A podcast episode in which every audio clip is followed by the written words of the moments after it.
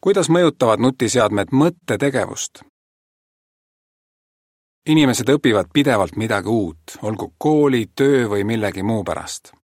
seejuures on palju abi arvutitest ja nutiseadmetest. mitte kunagi varem pole olnud nii lihtne leida informatsiooni kodust lahkumata või isegi oma toolilt tõusmata. ent paljud, kes nutiseadmeid kasutavad, leiavad, et neil on lugedes raske keskenduda, nad kipuvad tegelema samal ajal mitme asjaga, neil hakkab üksi olles kergesti igav. mida võiks teada? lugemine. mõned lasevad tekstist lihtsalt silmadega üle ega keskendu autori mõttekäigule. diagonaalis lugemine on kasulik, kui sul on vaja kiiresti midagi leida, kui aga on vaja midagi sügavuti mõista, pole sellisest lugemisviisist abi millele võiks mõelda? kuidas on sul pikemate tekstide lugemisega? kui teed seda keskendunult, siis kas võiks see aidata sul paremini teadmisi omandada? keskendumine. on inimesi, kes arvavad, et tänu nutiseadmetele saavad nad teha mitut asja korraga, näiteks vahetada sõpradega sõnumeid ja õppida. kuna aga nende tähelepanu on hajutatud ei pruugi nad kummagi tegevusega hästi hakkama saada. eriti veel, kui need mõlemad nõuavad keskendumist. süvenemiseks on vaja enesedistsipliini, kuid pingutused tasuvad end igati ära. neljateistaastane tüdruk Grace ütleb. olen õppinud, et parem on keskenduda ühele asjale korraga. nii teen vähem vigu ja mul on vähem stressi. millele võiks mõelda? Kuidas on sinul keskendumise ja õpitu meeldejätmisega, kui teed mitut asja korraga? üksiolek. mõned inimesed tunnevad end üksi vaikuses olles ebamugavalt.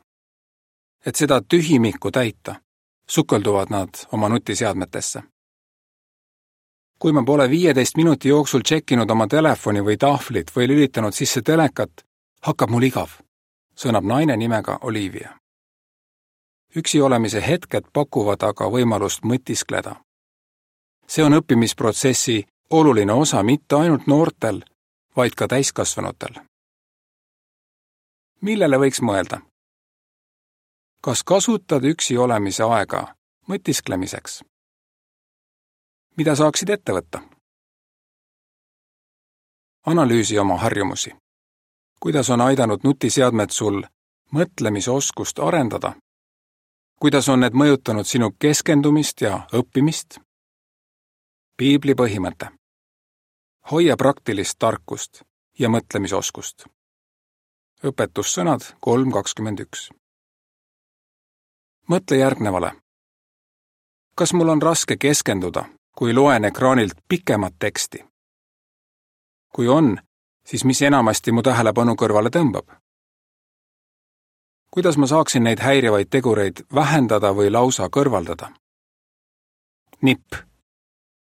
alusta sellest, et loed lühemaid tekste keskendunult. vähehaaval võta ette pikemaid tekste. loe vaikse häälega kaasa, see aitab süveneda. mida ma võiksin muuta, et mul oleks rohkem aega loetu üle mõelda?